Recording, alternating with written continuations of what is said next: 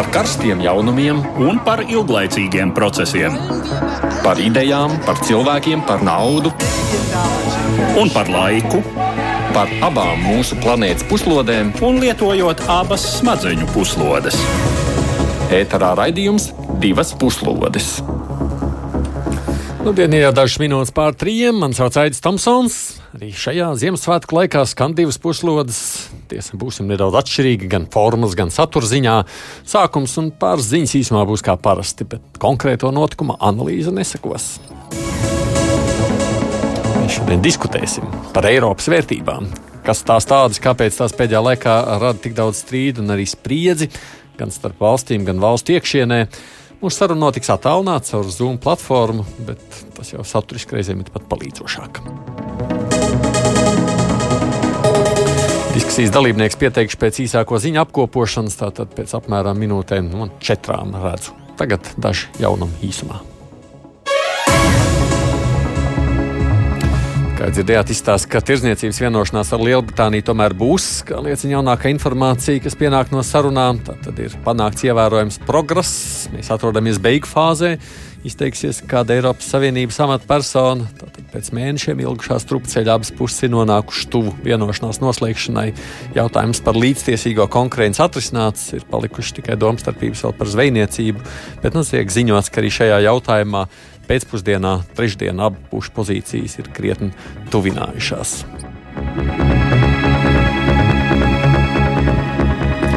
Trešdien demisionējis ir Moldovas premjerministrs Jans Kiku un viņa vadītā valdība, pavarot ceļu uz pirmstermiņa parlamentu vēlēšanu rīkošanu. Kika ir prezidenta vēlēšanā zaudējušā prokuroriskā prezidenta Igora Dodona sabiedrotais. Vēlēšanās uzvarēja proeiropeiskā kandidāte Maija Sandu, kas, kuras inaugurācija ir gaidām jau šonadēļ. Pēdējo nedēļu laikā Moldovā bija plaši protesti, to dalībniekiem prasot šās pirmstermiņa parlamenta vēlēšanas. Arī Sanda bija pieprasījusi valdībai atkāpties. Pēc viņas uzvaras vēlēšanās parlaments, kurā dominē Dodona atbalstītāji, pieņēma likumu par prezidenta pilnvaru ierobežošanu, bet nu, to konstitucionālā tiesa ir atcēlusi. Šodien atkal daudz ļoti runāts par Krievijas opozicionāru Aleksēju Navaļniju. Viņa publicētais video YouTube kanālā ir pievērsis visas pasaules uzmanību. Viņam izdevās sazvanīt vienu no saviem indētājiem, kas strādā Federālajā drošības dienestā, un izliekoties par drošības padomus vadītāju palīgu, iegūt faktisku atzīšanos par savu saindēšanu. Krievijas drošībnieki šī iemesla dēļ šajās dienās ir daudz izsmieti. Savukārt viens no pasaules vadošajiem medicīnas žurnāliem, Lancet, ir publicējis rakstu, kas veltīts Navaļnijas aindēšanas klīniskajai ainai un viņa ārstēšanai. Autora vidū ir arī Berlīnas klīnikas šarité speciālisti, kur Navaļnijas ārstējās.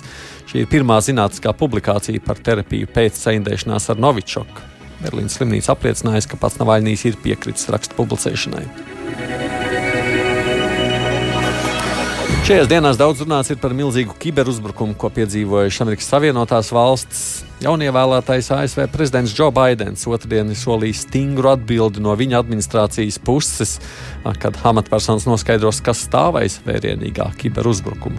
ASV ģenerāla prokurors Bills Bārs pirmdien paziņoja, ka aiz paša šī kiberuzbrukuma faktiski ASV valdības datorsistēmām stāv Krievija. Šādi izsakot atšķirīgu viedokli no Donalda Trumpa, kurš aizdomās tur Ķīnu.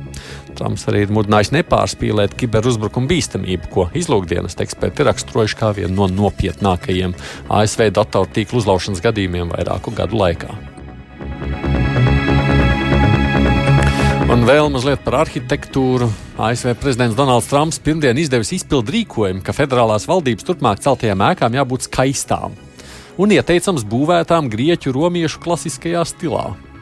Izpildu rīkojums nesot tik radikāls kā iepriekšējais, kas izraisīja vēl dažu arhitektu sašutumu ar to, ka tiecās atļaut jaunās būvs tikai neoklasicismu stilā.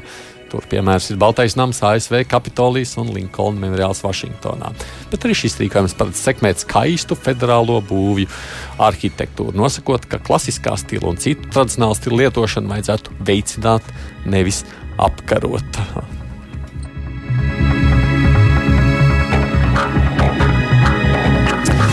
Bet nu, mums ir pienācis laiks solītai diskusijai. Jāsaka, tā ir tapusi mazliet agrāk, kas nozīmē, ka šī saruna būs Zoom platformā. Un, ņemot vērā šī mazliet, jāatvainojas par skaņas kvalitāti, kāda nu, tā ir, tāda tā ir. Bet šī būs tiešām diskusija. Eironet Plus, Milāno, Zagreb, Brisele, Sofija, Rīga. Eironet Plus, vadošā Eiropas ziņu radiostaciju apvienība. Saprast Eiropu labāk! Šobrīd mūsu sarunai ir pievienojušās divas Eiropas parlamenta deputātes - Melbārta un Sandra Kalniete. Labdien jums! Labdien! Labdien! Latvijas Universitātes profesora politoloģija Žaneta Ozoliņa arī mūs šeit pat redzams ir sveicināti. Labdien! Un es ceru, ka kādā brīdī, ja viņam izdosies atrisināt tehniskās ķibeles, mums arī pievienosies raidījuma līdzautors Edvards Liniņš. Viņš šobrīd mēģina saslēgties ar mums, redzēsim, kā viņam izdosies. Eiropas vērtības, tas ir tas temats, par ko mēs runājam, un man jāsaka, ka pēdējā laikā tas ir kļuvis gandrīz par tādu cīņas lauku, kurā uh, nu, kādi izsakās ar neslēptu nicinājumu, citi atkal to ceļ kā tādu karogu. Un man reizēm ir aizdoms, ka mēs katrs runājam savā valodā un vispār nesaprotam, par ko ir runa. Mums ir tāda definīcija, kas tad ir Eiropas vērtības uzvalības. Jā, tas ir ļoti viltīgs jautājums. Un nesen man bija diskusija ar uh, uh, vairāk Latvijas vidusskolu jauniešiem, un viņi arī apgalvoja, ka nav tādas vienas definīcijas uh, Eiropas vērtībām, bet viņas ir ļoti daudzveidīgas, un jāsaka, ka tas jau arī ir uh, Eiropas vērtību skaistums un arī priekšrocība. Ka mēs dzīvojam brīvā, brīvu valstu apvienībā, un ka cilvēks par savām vērtībām diskutē, un viens vai otrs izvirs priekš priekšplānā ja mēs gribam nu, tā ļoti akadēmiski to visu sadalīt, ja, tad, ja mēs runājam tieši par eiropeiskām vērtībām, tad ir vairāk līmeņi. Tas viens līmenis būtu nu, tādas virsvērtības, kas veido uh, valstu sabiedrību pamatus. Tās būtu Franču revolūcijas izcīnītas vērtības, un tā ir brīvība, līdztiesība un vienlīdzība.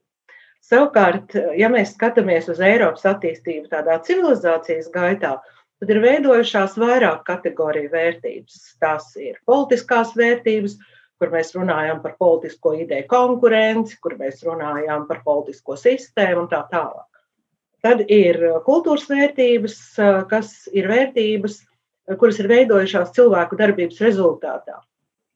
Un te mēs runājam par atvērtību, tad mēs runājam par cilvēku cieņu un tā tālāk.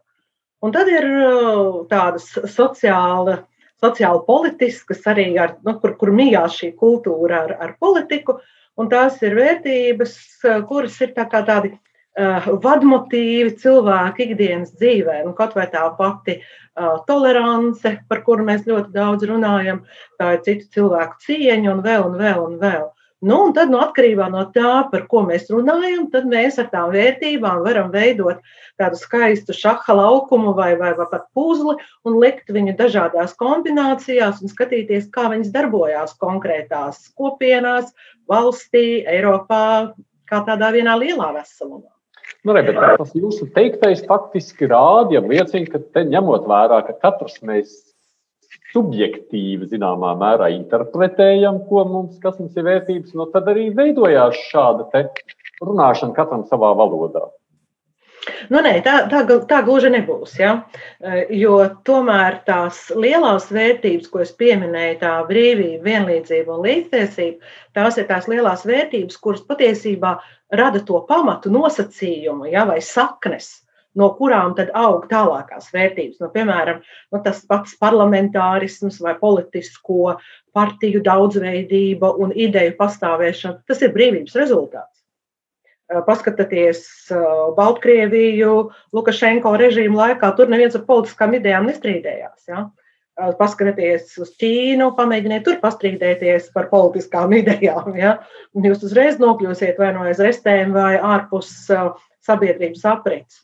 Tā gluži nav. Bet um, tie strīdi jau drīzāk izaug no tā, ka mēs katrs varam interpretēt to atšķirīgi. Ja? Un tā arī ir savā ziņā priekšrocība. Nu, labi, ja vēl par brīvību, tad skatos Kalnietes kundze, ja vēl par brīvību mēs savukārt nu, tā kā nestrīdamies tādā ziņā, ka mēs viņu visu vērtējam kā kā vērtība. Drīzāk jautājums, vai mēs viņu sakām, ka mums ir vai nav, tas ir cits stāsts. Tad, kad mēs nonākam jau pie kādas vienlīdzības vai līdztiesības, tur jau arī mums nu, kaut vai vienzimumu pāris jautājumos ir jau doma dažādība. Un vai mēs to atzīstam kā vērtību vai nē, tas vēl ir jautājums.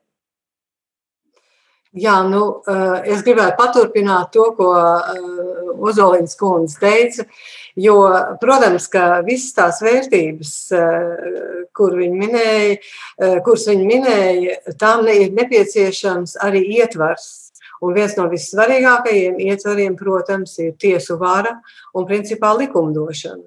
Jo nepietiek jau tikai vērtības pasludināt, jo vienmēr būs cilvēki, kas nerespektēs otru dzīvību, nerespektēs otra uzskatus. Ne, nu vienkārši tā tas ir. Ja?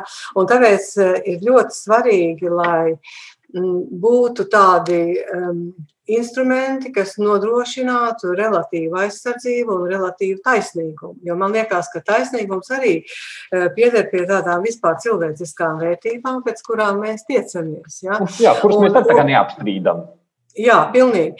Un, un Ozoliņas kundze nepieminēja vēl vienu ļoti būtisku vērtību, kas tomēr ir Eiropas civilizācijas pamatā un kas arī gadsimtu gaitā ir ļoti mainījusies. Tās ir kristīgās vērtības. Uh, tāpēc, ka tomēr gan mūsu tiesību izpratne, gan mūsu morāles izpratne, gan mūsu uzvedības izpratne ļoti lielā mērā balstās uz šīm kristīgajām vērtībām, kas mūsos ir jāaudzināts mūsu ģimenēs. Un tā kā es esmu tāds padomu laika relikts. Ja? Tad neskatoties uz to, ko mācīja skolā, un uh, dievu vietā bija partija un tā tālāk, ja? bet tomēr uh, tas, ko man ģimenē par labo un ļauno mācīja tēvs un māte, tas bija ļoti svarīgi. Un es domāju, ka tieši no tās um, no tā zemākā līmeņa. Ja, cilvēks pamazām aug līdz tam augstākajam līmenim, līdz izpratnē par eh, tiesu varu, līdz izpratnē par politiku, līdz izpratnē par valsts nozīmi eh, manā un jūsu un citu dzīvē. Ja. Un, un šeit parādās tā ārkārtīgi lielā dažādību, izprotot, kas tad ir tās vērtības, kas man ir svarīgas. Un es teiktu, ka izpratne par vērtībām ir arī saistīta ar zināšanām. Tas nav tikai jūtu jautājums. Ja es prasītu savukārt Melbērts kundzei, kā jums šķiet, kuras ir tās vērtības, kas tad ir tādas visvairāk diskutablās? Nu, e, es sākšu ar to, ka um, nu, es piekrītu, ka uh, jautājums par vērtībām nav vienkāršs. Uh, jo tāpat kā uh, jautājums par identitāti, arī jautājums par vērtībām ir uh, atvērts. Uh, un uh, ir ļoti svarīgi, ka mēs par to uh, diskutējam. Uh, ja mēs runājam par Eiropas Savienību, uh, tad uh, šeit ir jāizšķir to, ka ir ļoti svarīgi, ka ir šīs kopīgās vērtības nodefinētas. Un kopīgās Eiropas Savienības vērtības ir nodefinētas Eiropas Savienības dibināšanas līgumā. Tas kopā sešas pamatvērtības, kas ir nosauktas šajā līgumā. Un ir ļoti svarīgi, ka mēs arī ar dažādiem līdzekļiem šīs vērtības uzturam, integrējam izglītības procesā un darbā ar jauniešiem, jo, lai kopīgi strādātu, ir nepieciešams kaut kas vienots. Tā pašā laikā uh, ir uh, nu, uh, svarīgi apzināties arī to, ka nu, Eiropas Savienības viens no simboliem ir arī tās devīze vienota daudzveidībā. Tas nozīmē, ka katram cilvēkam būs kaut kādas atšķirīgās vērtības. Un, un arī valstīm ir nu, tiesības uzturēt arī savas nacionālās vērtības. Uh, Eh, atbildot uz jautājumu, kas ir tās vērtības, par kurām visvairāk diskutē, es teiktu, ka šobrīd parlamentā visvairāk izskan eh, vērtības, kas eh, tiesiskums.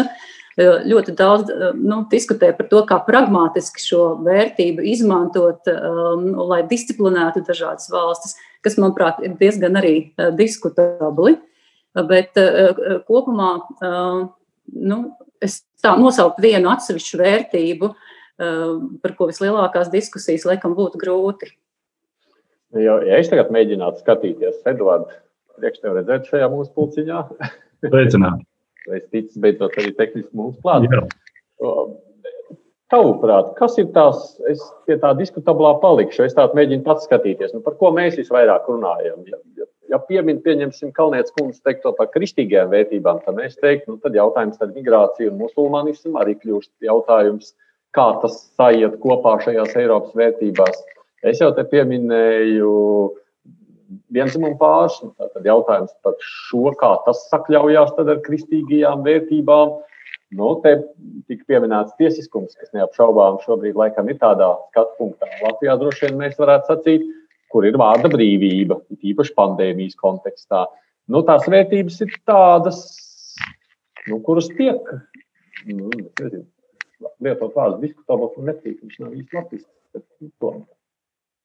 Ne, nu, vērtību kolīzijas ir neizbēgamas, jo tāpat kā mūsu vēstures gaita ir dinamisks process, neparedzējams lielā mērā, un mēs uh, laiku pa laikam atopamies situācijā, kad eh, mēs kā cilvēci, un, protams, arī Eiropa kā pasaules daļa, atopas situācijā, kur tā nav prognozējusi. Un mūsu dzīves laikā ir bijušas vairākas šādas situācijas. Es domāju, mēs visi klātesošie diezgan labi atceramies, piemēram, laiku ap 1985. gadu, kad neviens to brīdi nedomāja, ka padomju impērija sabruks dažu gadu laikā, un eh, tobrīd, nu, teiksim, eh, publiskā telpā eh, vispār nevarēja domāt par kādu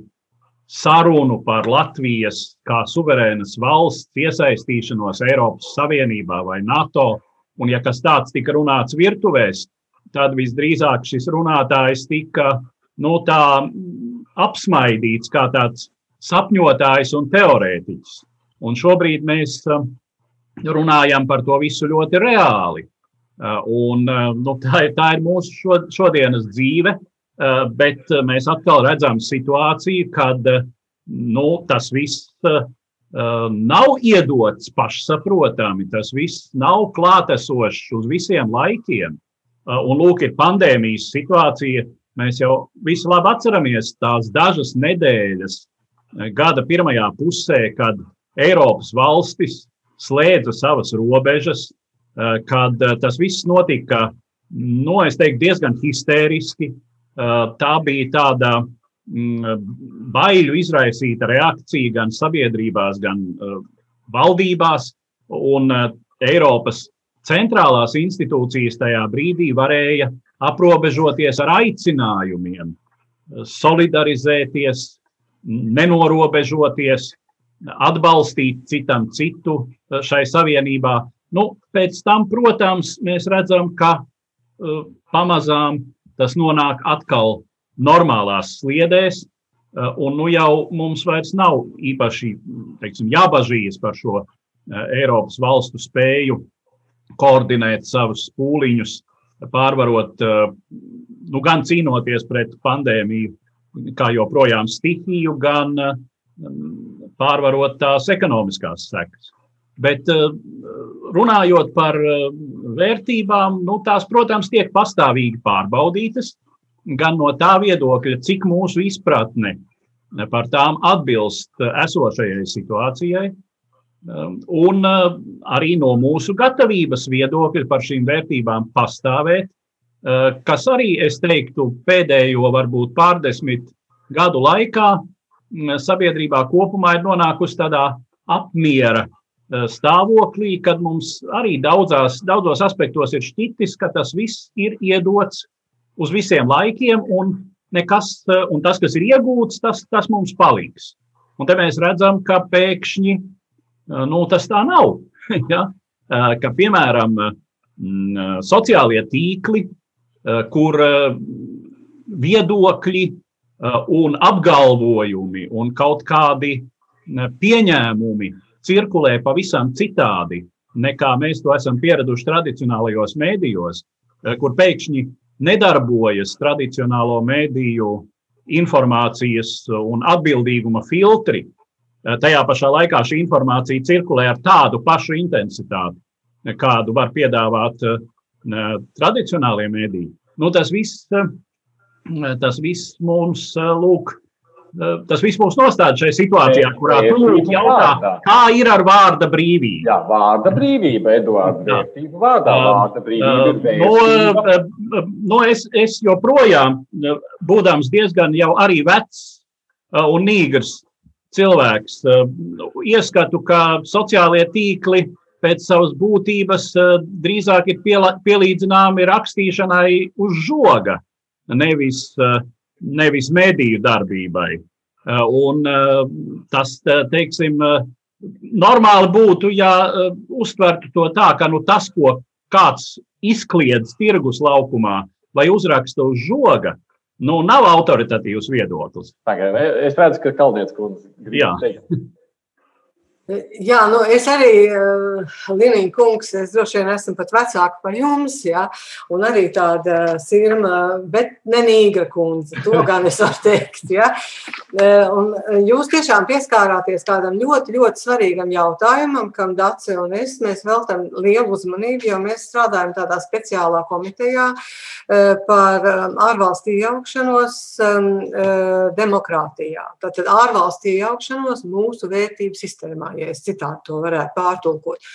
Un, eh, Šobrīd eh, visa digitālā vide ir tāda vide, kurā faktiski nav nekādas likumdošanas. Un tāpēc viens no lielākajiem izaicinājumiem ir, kādā veidā šo vidi mēs sakārtosim, lai mēs varētu savas vērtības aizsargāt.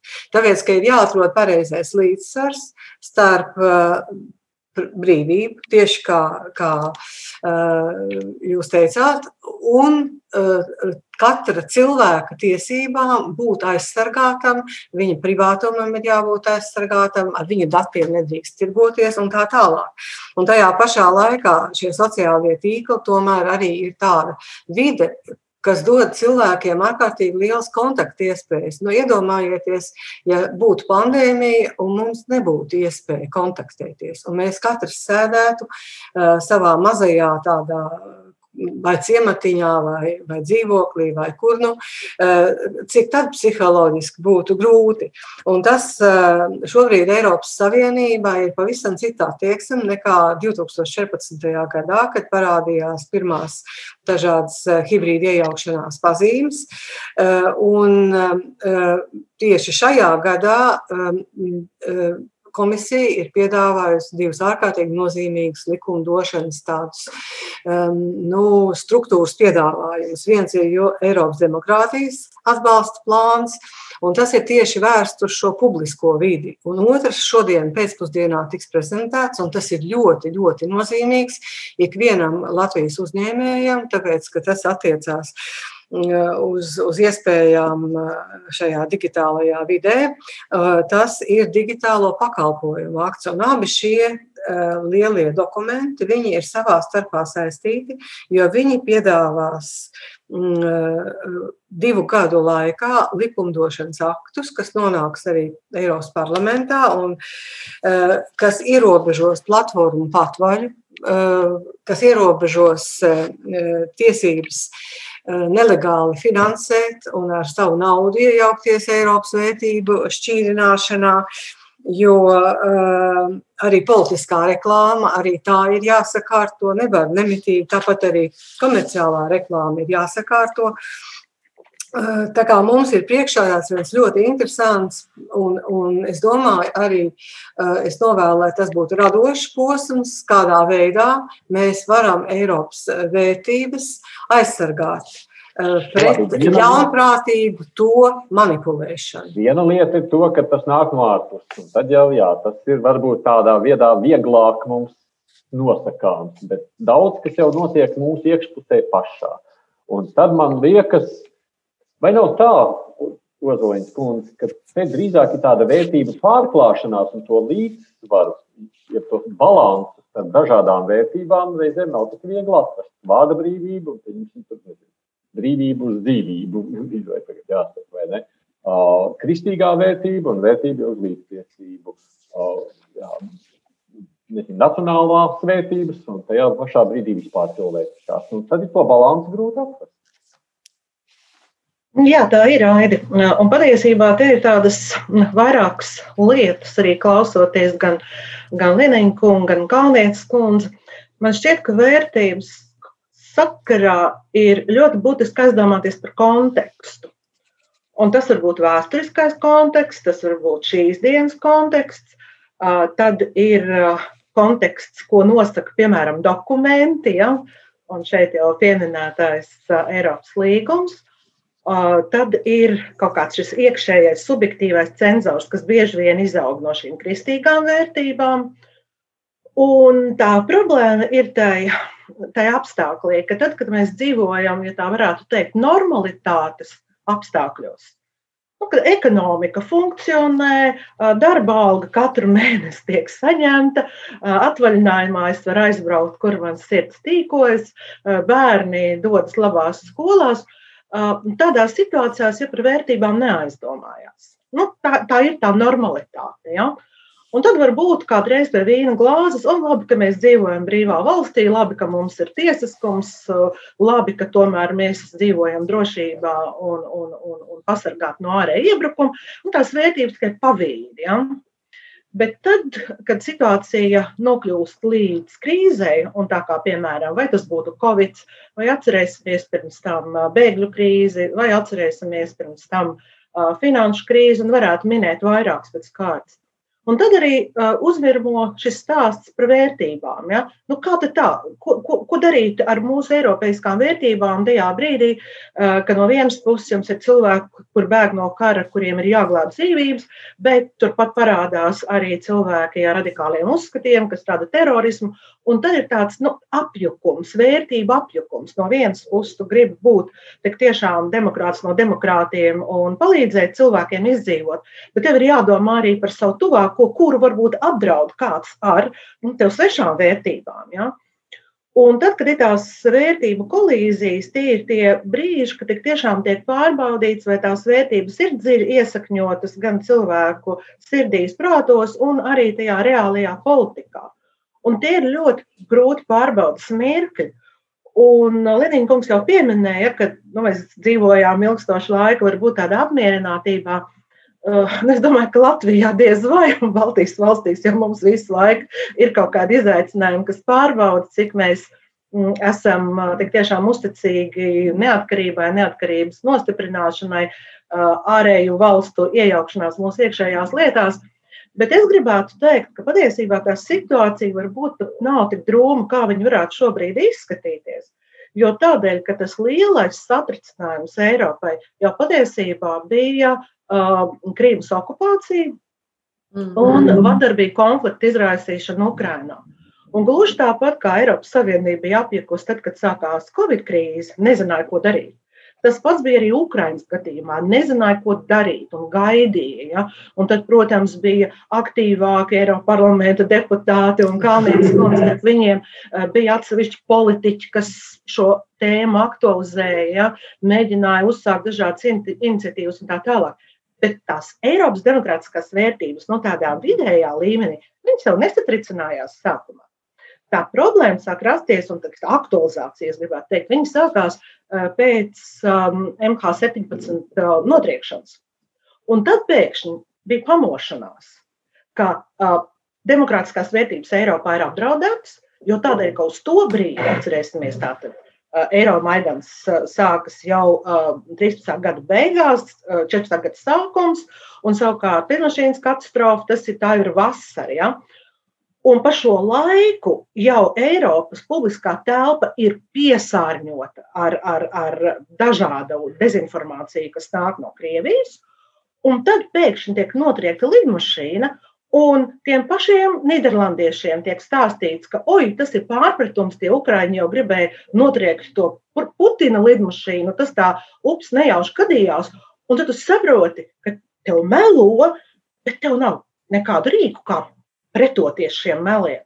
Un tāpēc no šī 14. gada līdz 20. gadam patiesībā Eiropa ir pamodusies, un šīs demokrātiskās vērtības pakāpeniski tiek stiprinātas, aizsargātas. Un mēs nevaram vairs runāt, ka uh, ierindas taksometra šoferis Madridē vairs nesaprot to, kas notiek Kremlī. Uh, kā šī kampaņa tiek īstenota? Vairāk vai mazāk ja, tā apziņa par to, ka tiek melots, ka tiek ietekmēta sabiedriskā doma, viņi ir. Vai tas ir pietiekami? Iespējams, ka nē, un es teikšu, ka nē, bet Covid krīze atkal piešķir citu piešķirti. Un tā ir tā tēma, par ko patiesībā mēs jau runājam kopš Ukraiņas krīzes. Tās ir attiecības starp personisko drošību, cilvēka dzīvību un nu, to pašu brīvību. Ja? Drošība vienmēr ir izvēle starp absolūtu brīvību. Tu dari, ko tu gribi, bet arī ienaidnieks dara, ko viņš grib ar tevi. Un starp to, ka tev ir jāatrod tiesisks regulējums, tev ir jāatrod arī institucionāls kāds ietvers, lai tās demokrātiskās vērtības tiktu pasargātas. Un šobrīd, manuprāt, nu, tādos lielos vilcienos demokrātiju aizstāvība ir uz pareizā ceļa, bet neaizmirsīsim, ka Eiropas demokrātisko vērtību pamatā ir cieņa pret cilvēka brīvību. Un līdz ar to to izvēli izdarīt par labu vienai vai otrai politiskai izvēlei vai politiskam ceļam, ir paša cilvēka atbildība. Un tas ir stāsts par uh, sestdienu uh, Daugavmals krastmalā. Tā ir personiska atbildība. Un tā ir nevis Viņķels kungs vai Kariņa kunga atbildība, vai tev iet vai neiet uz to Daugavmalu. Tā ir tava izvēle. Un, diemžēl, ar to savu izvēli mums nevienmēr beidzās un padodas. Jo projām ir pietiekami daudz cilvēku, kas grib lai viss tiktu izdarīts, lai viss tiktu sakārtots. Un, ja kaut kas tiek kārtots un kaut kas tiek piedāvāts, tad tā ir iejaukšanās manā telpā, manā brīvības telpā un man vārdu brīvības ierobežošana. Tās ir ļoti sarežģītas izvēles. Nu, es tad paņemtu vēl vienu klāstu aspektu tajā visā. Nu, ja ir runa par tā cilvēka brīvību kā tādu augsto vērtību, Tad Melbārdas kundze savukārt pieminētais par tiesiskumu, kas šajā laikā arī pievērsta uzmanību bijusi. Nu, te mēs vairāk lūkojamies Polijas un Ungārijas. Bet tā ļaužu, ja vēlētāju izvēle, kas ir cilvēka brīvība, ir bijusi, ka viņi ir devusi šiem, nu, šiem, jā, šiem varas vīriem nu, tās pilnvaras, kuras viņiem ir. Nu, tagad citas valstis grib ierobežot šo divu valstu pilsoņu izvēles brīvību. Nav tā maldāts. Uh, nu, uh, šādā veidā to jautājumu var uzdot, bet es šeit gribu piekrist uh, Ozoliņas kundzei, ka uh, tajā brīdī, uh, kad mēs saskaramies ar kādu ētisko dilēmu, uh, mēs reāli vislabāk izjūtam to, ka pastāv dažādu slāņu vērtības, un uz vērtībām var rūkoties no visdažādākiem skatu punktiem. Bet eh, lēmumu katrs cilvēks pieņem pats, pat arī lēmumu pieņēmējs. Viņš strādā valdībā vai sēž saimā vai Eiropas parlamentā. Eh, arī tajā brīdī viņš pats vai viņa eh, pieņem lēmumu vadoties nu, pēc sava iekšējā ētiskā kaut kāda kodeksa. Un, jā, man ir ļoti grūti komentēt Pol Polijas un Ungārijas gadījumus. Um, Jo nu, savā ziņā jums ir taisnība, ka, um, ja mēs īpaši runājam par Poliju, tad mēs zinām, ka valdošā partijai ir ārkārtīgi liels um, cilvēku uh, atbalsts. Uh, bet tajā pašā laikā, protams, ka uh, dažādi lēmumi un diskusijas, piemēram, attiecībā uz preses brīvību, mediju brīvību, kas šobrīd parādās publiskajā telpā, ir pretrunā nu, tiem plašākajiem uzstādījumiem, par kādiem mēs Eiropas Savienībā esam vienojušies. Nu, tāpēc šajā gadījumā, acīm redzot, nu, Polija un tās valdība un tās cilvēki saskarās arī ar ētisko dilemmu. Katrs pieņem kaut kādu lēmumu tajā brīdī, kad viņi dodas uz vēlēšanām. Jā, bet droši vien tas labākais jautājums šajā situācijā ir, ko darīt. Un šeit man pārliecība ir tāda, ka Eiropas Savienības līmenī ir ļoti svarīgi būt aktīvākiem sarunā ar Eiropas pilsoņiem, mēģināt um, uh, to, to informācijas burbuli un sarunu burbuli par Eiropas vērtībām, kas pamatā ir tādā Eiropas institucionālā līmenī uh, sastopams, tomēr padarīt tuvāku uh, Eiropas cilvēkiem. Un tas ir tas, ko mēs šobrīd uh, nespējam izdarīt. Mēs diez vai atrast daudz cilvēku Latvijā, kas varētu nosaukt um, Eiropas vērtības, kas ir liktas pamatā uh, Eiropas Savienības dibināšanai, vēl jau vairāk atrast daudz cilvēku, kas šīs vērtības var izskaidrot. Tāpēc, man, manuprāt, ir ļoti svarīgi, ka ir kaut kāda reāla mehānismi, īpaši darbā ar iedzīvotājiem, caur nevalstiskajām organizācijām, caur jaunatnes darbu, jaunat, Eiropas jaunatnes programmām, kas, nu, kas, kas šo pamatu izdara pietiekoši, ieliek un pietiekoši ātri. Es pats strādāju kultūras un izglītības komitejā, kuras pārziņā ir tieši izglītības, jaunatnes, kultūras un mēdīju jautājumi. Un es teiktu, tā, ka nemaz arī nav bijis viegli Eiropas Savienības līmenī panākt to, ka šīm programmām ir pietiekoši liels budžets. Man, manuprāt, ja mēs gribam, lai Eiropas Savienībā cilvēki vairāk apjauš un, un, un, un un arī praktiski kā, eh, savā izvēlēs eh, vadās pēc Eiropas Savienības eh, pamatvērtībām, tad man pārliecība ir tāda, ka vērtības ir jāmāca un tās ir jāintegrē izglītības sistēmā. Arī ļoti svarīgi, ka arī caur kultūras instrumentiem, īpaši caur mākslu, mēs veidojam tādu publisku telpu, kas cilvēkos attīst emocionālo intelektu. Uh, un palīdz vairāk izprast un arī veidot diskusiju telpu sarunai par vērtībām. Vai man nav taisnība, ja es domāju, ka būtībā jau vērtības nosaka vairākums? Mazākumam nākas piekāpties vērtību jautājumos. Ja vairākums lemj. nē, nē. Eh, un tā ir tā ļoti būtiskā Eiropas atšķirība daudzām, starp daudzām citām, kur it kā pastāv vēlēšanas. Eh, šeit es minēšu Krieviju, kur vēlētāji ir devuši mandātu un dos līdz 36. gadam un tā tālāk. Jo eh, neskatoties uz to, ka ir vairākums, vairākums apzinās, ka mazākumam arī ir tiesības. Un tas ir ārkārtīgi svarīgi rēķināties ar mazākumu viedokli. Jo arī par mazākumu, par tiem, kas nav attiecīgi valdošajā koalīcijā vai kas uzskata kaut ko citādāk, viņiem ir tiesības, tāpēc ka viņi ir cilvēki un šīs tiesības ir viņu cilvēku tiesību būtība.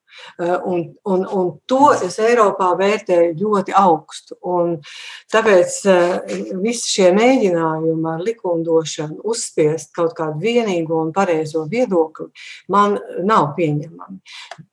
Izņēmums ir ārkārtas situācijas, kad aizšķirās ir starp dzīvību un nāvi, kad ir karš, kad ir apdraudēta, um, ekstrēmi apdraudēta valsts drošība. To mēs visi apzināmies. Un tad mums ir tās savas, savas viedoklis, savas tiesības, viņas vienkārši ir jānoglabā kabatā, un tad ir jādomā par kopumu tiesībām, kā mēs kā kopums spēsim pastāvēt. Un arī tas uh, ir īpaši latviešu tautai, kas ir samērā maza tauta. Tas ir ļoti, ļoti svarīgi. Bet es gribēju atgriezties pie tā, e, ar ko mūsu šīs pēdējais e, posms ir sācies. Ja? Ko tad nozīmē vēlētāji ir devuši tiesības? Nu, protams, ka, ja mēs tā paskatāmies demokrātijas vēsturē, tad sākot jau no senās Grieķijas un arī Romā, šīs vēlētāju balsis tika masīvi pirktas, un tas piederēja pie tā laika demokrātijas kultūras. Ja. Šobrīd um, ir parādījušies jauni līdzekļi, kādā veidā cilvēkus var ietekmēt, jo mākslīgais intelekts dod iespēju ar algoritmu starpniecību mērķēt uz ikvienu individuālu vēlētāju. Tieši to vēsti, ko šis vēlētājs vislabprātāk pieņem. Un mēs esam iegājuši daudz bīstamākā posmā, un tāpēc manas pieminētie regula, regulējošie da, likumdošanas note, akti un noteikumi, kas parādīsies nākamajos divos gados, šajā jomā ieviesīs caurspīdīgumu. Protams, ka likumi vienmēr tiek pārkāpti, un vēlētāji būs tāds iekārs objekts dažādām politi politiskām manipulācijām, tāpat kā patērētāji būs būs komerciālās iekārtas, iekārtas objekts, bet svarīgi ir tomēr, ka šis likumdošanas process ir sācies.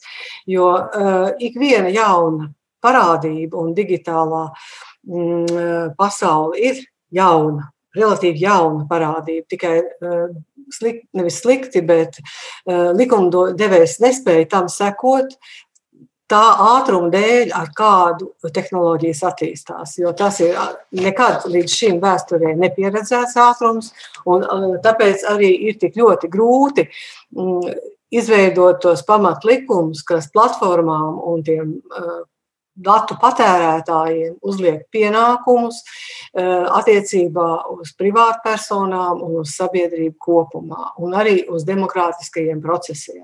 Un tas ir ļoti, manuprāt, eh, svarīgi. Un, ja mēs runājam par to, kas notiek mm, Ungārijā un Polijā, tad tā schēma jau ir ļoti līdzīga tam, kas ir noticis Baltkrievijā un kas ir noticis Krievijā un citās eh, bijušajās Padomu Savienības daļās.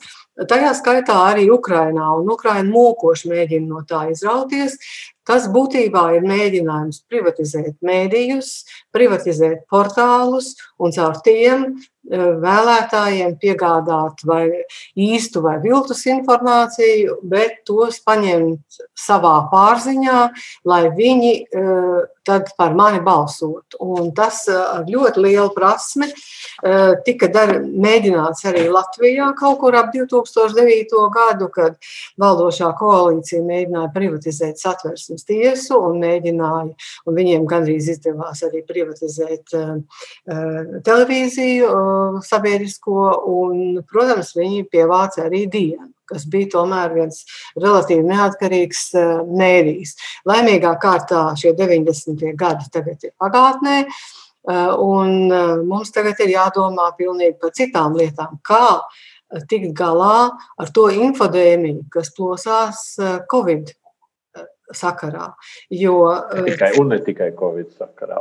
Nu, protams, arī daudz citas lietas, bet redziet, tas Covid ir tas, kas jo, attiecās uz ļoti daudziem cilvēkiem, jo neapzinīga rīcība apdraud citus cilvēkus. Un to nu neviens likums īsti neatļauj. Edvards, tu gribēji runāt, es tev divreiz neesmu ļāvis. paldies, paldies. Jā, dažas varbūt piezīmes pie iepriekš teiktā. Eh, ka nu, vērtību definīcija, tā līdz šim tas ir bijis vēsturē, vērtību definēšana ir tomēr elites uzdevums, un elite tas neizbēgami ir mazākums. Tā ka par to eh, vai vairākums nosaka vērtības, vairākums šīs vērtības vai nu pieņem, vai noraida. Eh, un tad tas ir ļoti plašs temats ar kādiem nosacījumiem un kas kurā brīdī to nosaka. Bet, protams, ka sabiedrība kopumā arī var kļūdīties, un vairākums var izdarīt nepareizas izvēles. Kādā konkrētā laika momentā šādi um, gadījumi vēsturē ir bijuši un atkārtojas diezgan regulāri.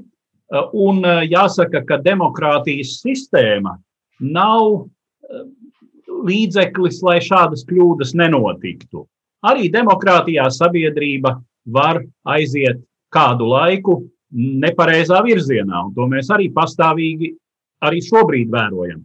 Demokrātijas sistēmas priekšrocība ir tā, ka tā ļauj šīs kļūdas samērā viegli un nesāpīgi labot, proti, demokrātiskas vēlēšanu sistēmas ietvaros, nerīkojot valsts apvērsumus, negaidot valdnieka dabisku aiziešanu no šīs pasaules, vai mēģinot šo procesu pātrināt, teiksim, ar giljotīnu vai kā tam līdzīgi.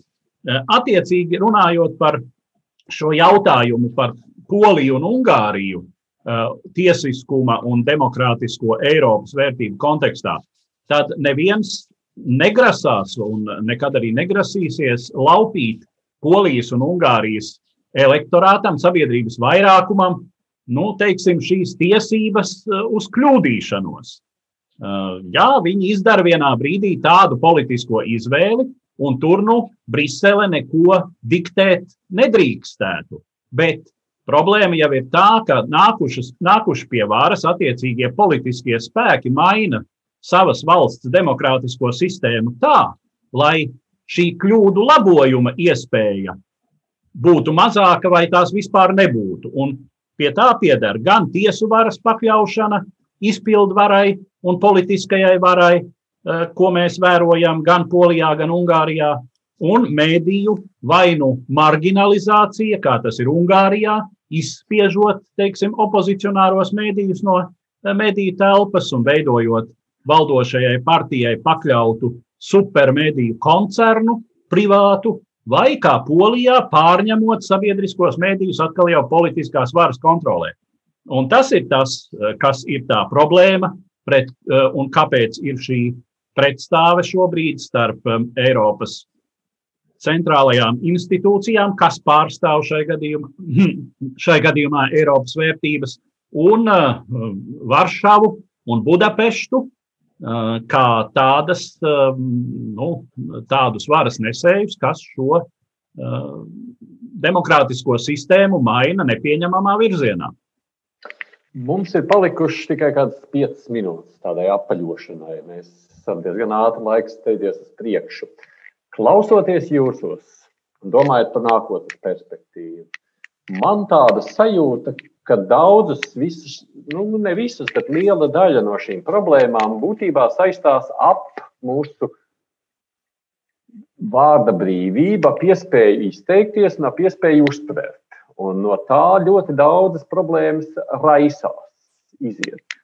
Vai tas nozīmē, ka nākošo gadu Eiropas izaicinājums ir tas, ko jau Kalnietis kundze šeit iezīmēja, visvairāk nu, viss ap šo informatīvo lauku. Tā varētu teikt, Ozoliņas kundze, tas ļautu daļu no vismaz tām problēmām risināt.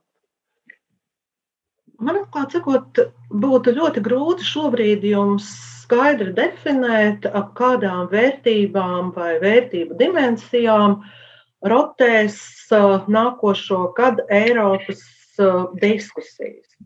Bet, ja man ir tagad dot iespēju pateikt to savu noslēdzošo tekstu, tad klausoties, jo īpaši Liniņa kunga tikko teiktos apsvērumus, man šķiet, ka mums ir jābūt gataviem tam, ka nākošo gadu, un ne tikai nākošo, bet vēl vismaz kādus trīs gadus, mūs sagaida diezgan būtiskas pārmaiņas. Tāpēc, ka dēļ Covid krīzes un dēļ tehnoloģiju attīstības, mēs visi dzīvojam vienā valstī, kuru sauc Zoom valsts. Un šī Zoom valstība ļoti būtiski maina ļoti daudzus mūsu dzīves aspektus. Kā mēs sarunājamies, kā mēs izsakāmies, kā mēs izjūtam vērtības, jo vērtības ir sociāli radītas. Sēžot pie ekrāna šeit, zūmā, neraugoties uz šo bezgalīgi brīnišķīgo kompāniju, man nav iespējams ieskatīties tieši acīs, redzēt jūsu ķermeņa valodu, kas noteiktu varbūt to, kādā veidā es pēc diviem, trim gadiem interpretētu vienu vai otru vērtību. Un drīzāk mani satrauc nevis tas, tās verbālās izteiksmes formas, kas būs vienā vai otrā Eiropas dokumentā, bet kā mēs visi, kā Eiropas pilsoņi, apzināsimies tās pārmaiņas, ko nes šis jaunais digitālais laikmets, un vai mums pietrūk, pietiks prāta piemēroties šiem digitālajiem apstākļiem, nezaudējot savas cilvēciskās un mūsu kā Eiropu cilvēku dotās tiesības izvēlēties brīvi un pareizās izvēles. Nu, plus vēl tajā diagnostikā sakot, iespējams, ka tas ir tas jautājums, cik daudz mēs domājam tikai par sevi un cik daudz tomēr arī par citiem. Jo nu, tas laikam veido to vērtību. Tā ir tāda gan varbūt tāda ļoti pierasta nu, frāze, bet tas veido ja, to pamatvērtības bāzi. Ne tikai es, bet citu vajadzību, mazākumu, kā jūs teicāt. Nu, es, ne, es skatos uz pulksteni, es baidos, ja kādam no jums došu vārdu. nu, bet, ja, ja ļoti īsi mēģina. Nu, tikai ja ļoti īsi. Nu, ļoti, lūk, Jā. ļoti īsi. Labi, Kalniet, vēl, jā, vēl viena tāda. Ļoti īsa. Kalnietis kundze gribēja ļoti īsi. Jā, es domāju, ka mēs esam ceļā no pārstāvnieciskās demokrātijas uz tiešo demokrātiju, kas tiks īstenot tieši pateicoties šai Zoom kultūrai. Mhm. Un tā būs arī tāda burbuļu demokrātija. Bet tas ir, manuprāt, nenovēršams ceļš. Labi, kurš tālāk, Edvards? Jā, runājot par, uh, par tiesībām un atbildīgumu un atbildību, es domāju, ka mēs, gan, gan mēs, žurnālisti, gan arī politiķi, pastāvīgi ir tādā kārdinājumā koķetēt ar uh, elektorāta vēlmi, nu, teiksim, īstenot savu brīvību, neskatoties uz atbildības nosacījumiem. Uh, un uh, tas ir tas, ko uh, mēs nedrīkstam darīt. Ne mēs, žurnālisti, ne mēs, politiķi. Mūsu pienākums ir pastāvīgi atgādināt ikvienam pilsonim, ka būtisku tiesību pieņemt nekompetentus, īstenību ignorējošus lēmumus kā pilsonim par sabiedrības kopīgo likteni, viņam šādu tiesību nav. Un, eh, lai cik ļoti mums gribētos reizēm uh, viņam glaimot šai ziņā, tas ir tas, ko mēs nedrīkstam darīt. Tas ir mūsu žurnālistu un uh, droši vien arī politiķu profesionalitātes kritērijs. Alvērts kundze, punktu zīme. Nu, manuprāt, būtiskākā vērtība, kas parādīsies nākamo gadu laikā, īpaši, kad dalīs Eiropas naudu, piedošana par tādu cīnisku ietvaru izveidi, būs jautājums par vienlīdzību. Eh, par to, eh, kā, kāda, kāda ir vienlīdzība starp dažādām Eiropas Savienības valstīm, kā to izlīdzināt, eh, kā par vienādu darbu pēc iespējas līdzīgāku atalgojumu saņemt, lai atsevišķi dalībvalsts nezaudē tik daudz savu darbu spēku, kā arī starp dažādiem dzimumiem šo vienlīdzību nodrošināt. Es, es teiktu, ka šī vērtība ļoti spilgti izpaudīsies nākamajos gados Eiropas Savienības ietveros. Tācim Albāda un Sandra Kalniete, divas Eiropas parlamenta deputātas, Žaneta Ozoliņa, politoloģija, Latvijas universitātes profesora un kolēģis, raidījuma līdzautors Edvards Līniņš. Paldies jums par iesaistīšanos šīs dienas sarunā par vērtībām. Es arī klausītājiem saku, ka mēs tiksimies atkal pēc nedēļas tad, tad būs vecgadu vakars. Mums šie raidījumi tā sanāk svētku laikā, bet es domāju, ka arī tad mēs būsim tiešraidē. Droši vien lūkosim, kā tad ir bijis šis gads, bet nu, kas zina. Divas puslodes producēja jau Zeize, raidījumu vadīja. Es aizsācu Tomsons, saku jums, līdz nākamajai reizei.